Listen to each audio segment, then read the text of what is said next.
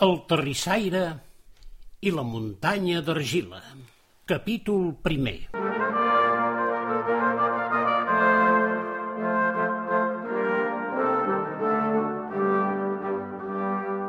Això era un terrissaire molt conegut a la contrada per les peces de terrissa que feia.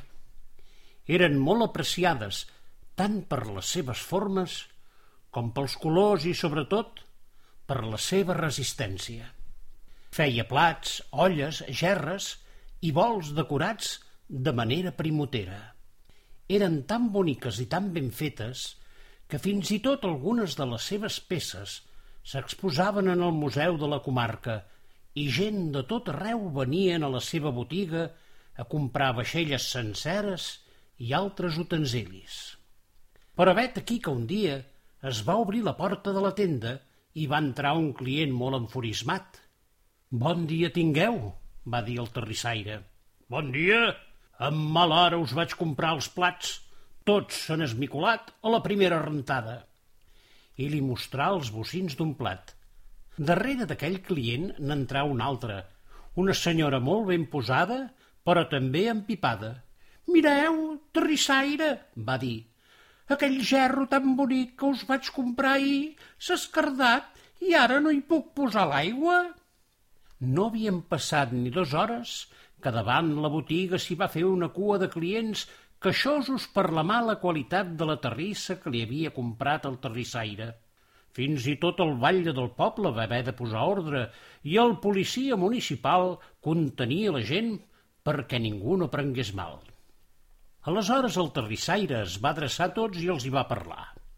Mireu, això que ha passat no té cap mena d'explicació, a no ser que totes les peces que s'hagin trencat les hagi fet amb la darrera partida de fang que m'ha arribat. Tots teniu peces comprades en altres temps i bé que no s'han trencat, oi? El batlle, per calmar els ànims, va parlar amb encert. Mireu, si és això que diu el terrissaire, estic segur que s'avindrà a tornar a fer totes les peces que s'han trencat i reposar-vos-les com és degut, no us sembla? El terrissaire va dir que sí, que ara mateix llançaria tot el fang que tenia i n'encomanaria un altre per fer les noves peces.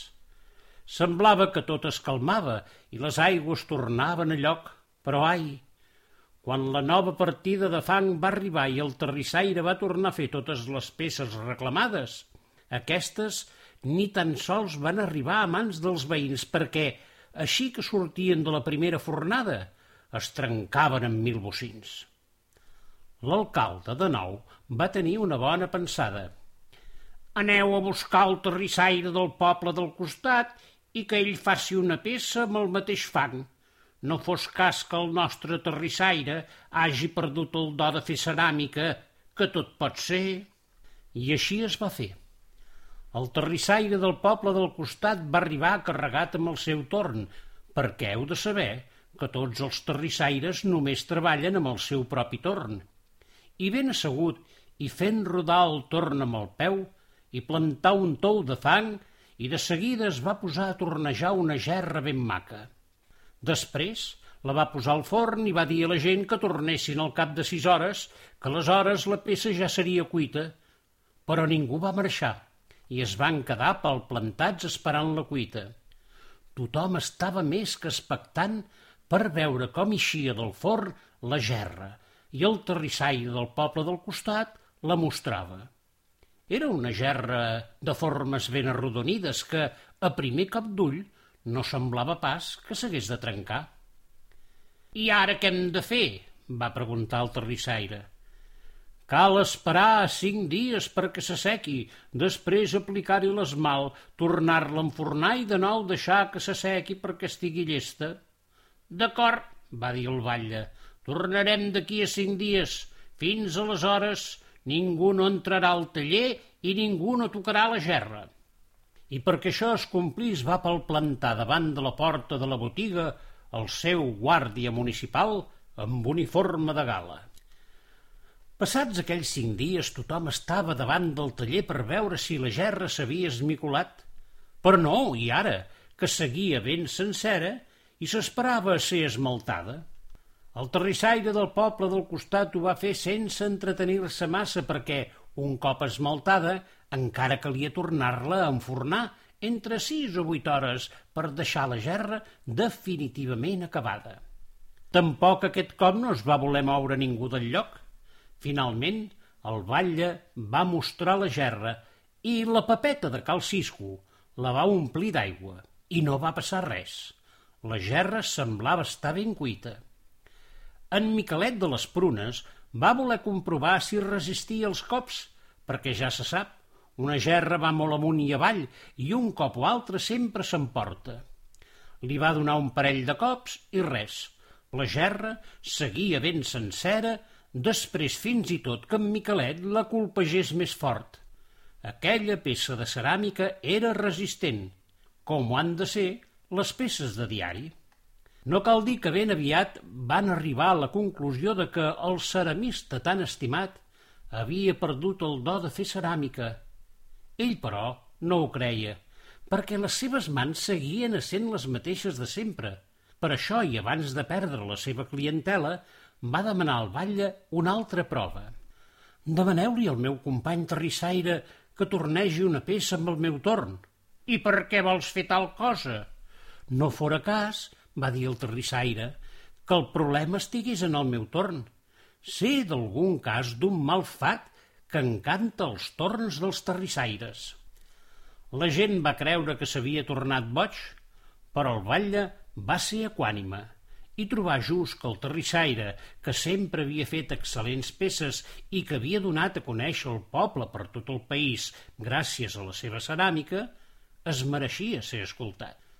El terrissaire del poble del costat es va asseure al torn del seu company i després d'unes petites instruccions d'aquest per fer moure la roda amb el peu, va plantar un tou d'argil al vell mig i va començar a tornejar. I heu de creure que, per més que volia, quan la gerra semblava estar formada, tot seguit es doblegava i tornava a ser una bola de fang sense cap forma. La gent no s'ho creia, però era evident que aquell torn estava posseït per alguna mena de mal i que per això les peces del seu estimat terrissaire es trencaven. Semblava que res no es podia fer. Lluitar contra una cosa desconeguda era un impossible i tothom se'n van tornar a casa amb la certesa que el seu terrissaire ja no podria seguir treballant i que haurien d'anar a comprar la terrissa al poble del costat. Lluny d'aquest pensament, però, el terrissaire va decidir posar remei al problema i cercar una solució. El primer que va fer va ser consultar un vell llibre que, segons la seva mare, li havia donat una vella terrissaire. Un llibre amb antiquíssimes fórmules de cocció i mil maneres de treballar el fang. Era un secret ben guardat, gelosament guardat, i que gràcies a ell el terrissaire havia après coses que cap altre terrissaire coneixia. Potser no tot eren fórmules, potser hi havia una part dedicada als encanteris de la terrissa, perquè tot ofici artesanal té els seus encanteris, va pensar el terrissaire. Així és que va agafar el llibre de la lleixa, el va obrir i va buscar si hi havia algun capítol que parlés de conjurs i encanteris. Però no, res de res. I quan el va tornar a posar a la lleixa, va veure que en el llom hi havia una cavitat de la que mai s'havia fixat. Va tornar a agafar el llibre i del llom va treure un pergamí enrotllat i lligat amb una cinta que posava «Contracte amb el diable». Potser en aquest pergamí trobaria la manera d'alliberar el seu torn del mal follet.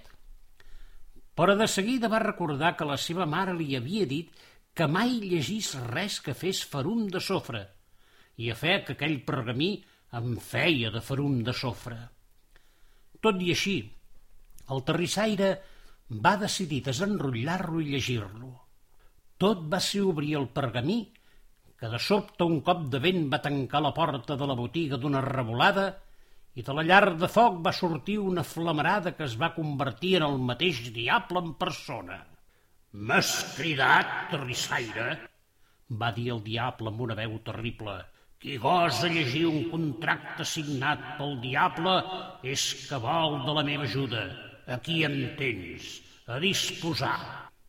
El terrissaire, lluny d'espantar-se, va recordar les paraules de la seva mare, d'acollir qui entra a casa amb generositat i oferir-li bona taula i bon vi. Així és que va donar la benvinguda al diable i el va convidar a seure. Després li va servir un bon plat de menjar i mentre el diable menjava li anava servint gerres de vi. I vinga gerres, i vinga vi. Tant i tant vi va veure el diable que a la fi es va adormir. El terrissaire va recordar també la dita de la seva mare dels qui bevien més del compte. Una copa és d'agrair, dues copes fan bon vi, més enllà d'aquestes copes, qui serà no t'ho puc dir. Així és que va lligar ben fort el diable, tal i com ho havia fet un amic seu esparter, i aleshores es va disposar a llegir el pergamí ara que el diable no el podia interrompre. Allí va trobar el que podia semblar una fórmula per desfer l'encanteri del seu torn. La fórmula deia així. Pel fat i el fet que el torn és foll, pel fet i el fat d'un foll follet, s'ha tornat foll el torn i el fat, vindrà a explicar-te un homenet. Allò semblava una endevinalla. Però aquí no acabava la cosa, i el terrissaire va seguir llegint aquelles estranyes paraules escrites al pergamí. I si tu això ho vols guanyar, primer de tot cal atrapar el vell diable i engaviar, el teu enginy bé t'ho dirà, com el diable empresonar. Atrapar el diable? va dir-se el terrissaire. I com ho puc fer? Aleshores, tot veient el diable ben adormit, li va venir una idea al cap. Ja ho tinc! Ficaré el diable dins d'una tenalla i la taparé ben tapada amb una capa. La idea li venia d'una altra dita. Quan el diable és dins d'una tenalla, el diable calla, que volia dir que un diable atrapat en una tenalla no pot fer mal. Més de pressa que corrents va anar a cercar una de les seves antigues tenalles que tenia per guardar el gra. La va buidar i va ficar el diable que encara dormia a cor que vols. Després hi va posar una tapa i la va assagellar amb un botifarró de fang que es va assecar de seguida. Amb el diable empresonat, el terrissaire va girar el pergamí per seguir llegint. Però, per l'altra cara, el que hi havia escrit estava esborrat. Enrabiat, va voler llançar el pergamí al foc, però una veueta el va aturar. No, no el cremis! D'on sortia aquella veu? Va mirar per tot i res. Per segon cop va voler cremar el pergamí i la veueta va tornar a cridar «No, no el cremis!» De nou va regirar el taller de punta a punta i res. No va trobar ningú. Per tercera vegada el va voler cremar i quan el va llançar va aparèixer un homenet que el va replegar al vol i se'l va ficar dins la panxa. Però no és pas que se'l mengés, sinó que el va introduir pel malic dins el seu cos. I és que heu de saber que aquell homenet, que no era més alt que el tamboret que el terrissaire feia servir per treballar en el seu torn, no era de carn ni os, sinó que era com una figura de fang abans de ser cuita. Qui ets tu? D'on has sortit? Del fang. I era cert.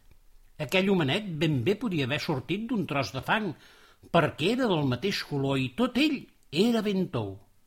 Vull dir que quan el terrissaire el va tocar, va tenir la mateixa sensació que tenia quan les seves mans donaven forma a una de les seves creacions de fang. L'homenet era ben bé de fang, o, perquè ho entengueu, era un home de fang. Potser creureu que el terrissaire es va espantar, però després de veure aparèixer el mateix diable de la seva llar de foc i d'haver-lo ficat dins una tenalla, el terrissaire estava disposat a creure's qualsevol cosa. De nou, i com havia fet amb el diable, es va mostrar molt afable i va convidar l'homenet de fang a seure i menjar. Quan li va oferir vi, aquell el va refusar. I ara, va dir l'homenet, que no saps què passa quan un tros de fang es mulla? Com vols que no ho sàpiga? Que es desfà? Això mateix. Si prenc vi em desfaré i desapareixeré i no podré ajudar-te. D'acord, va dir el terrissaire. Aleshores, menja el que vulguis, però explica'm qui ets i com em penses ajudar. I així, mentre l'homenet de fang menjava, li va explicar, fil per randa, la seva història. Fi de la primera part del terrissaire i la muntanya d'argila.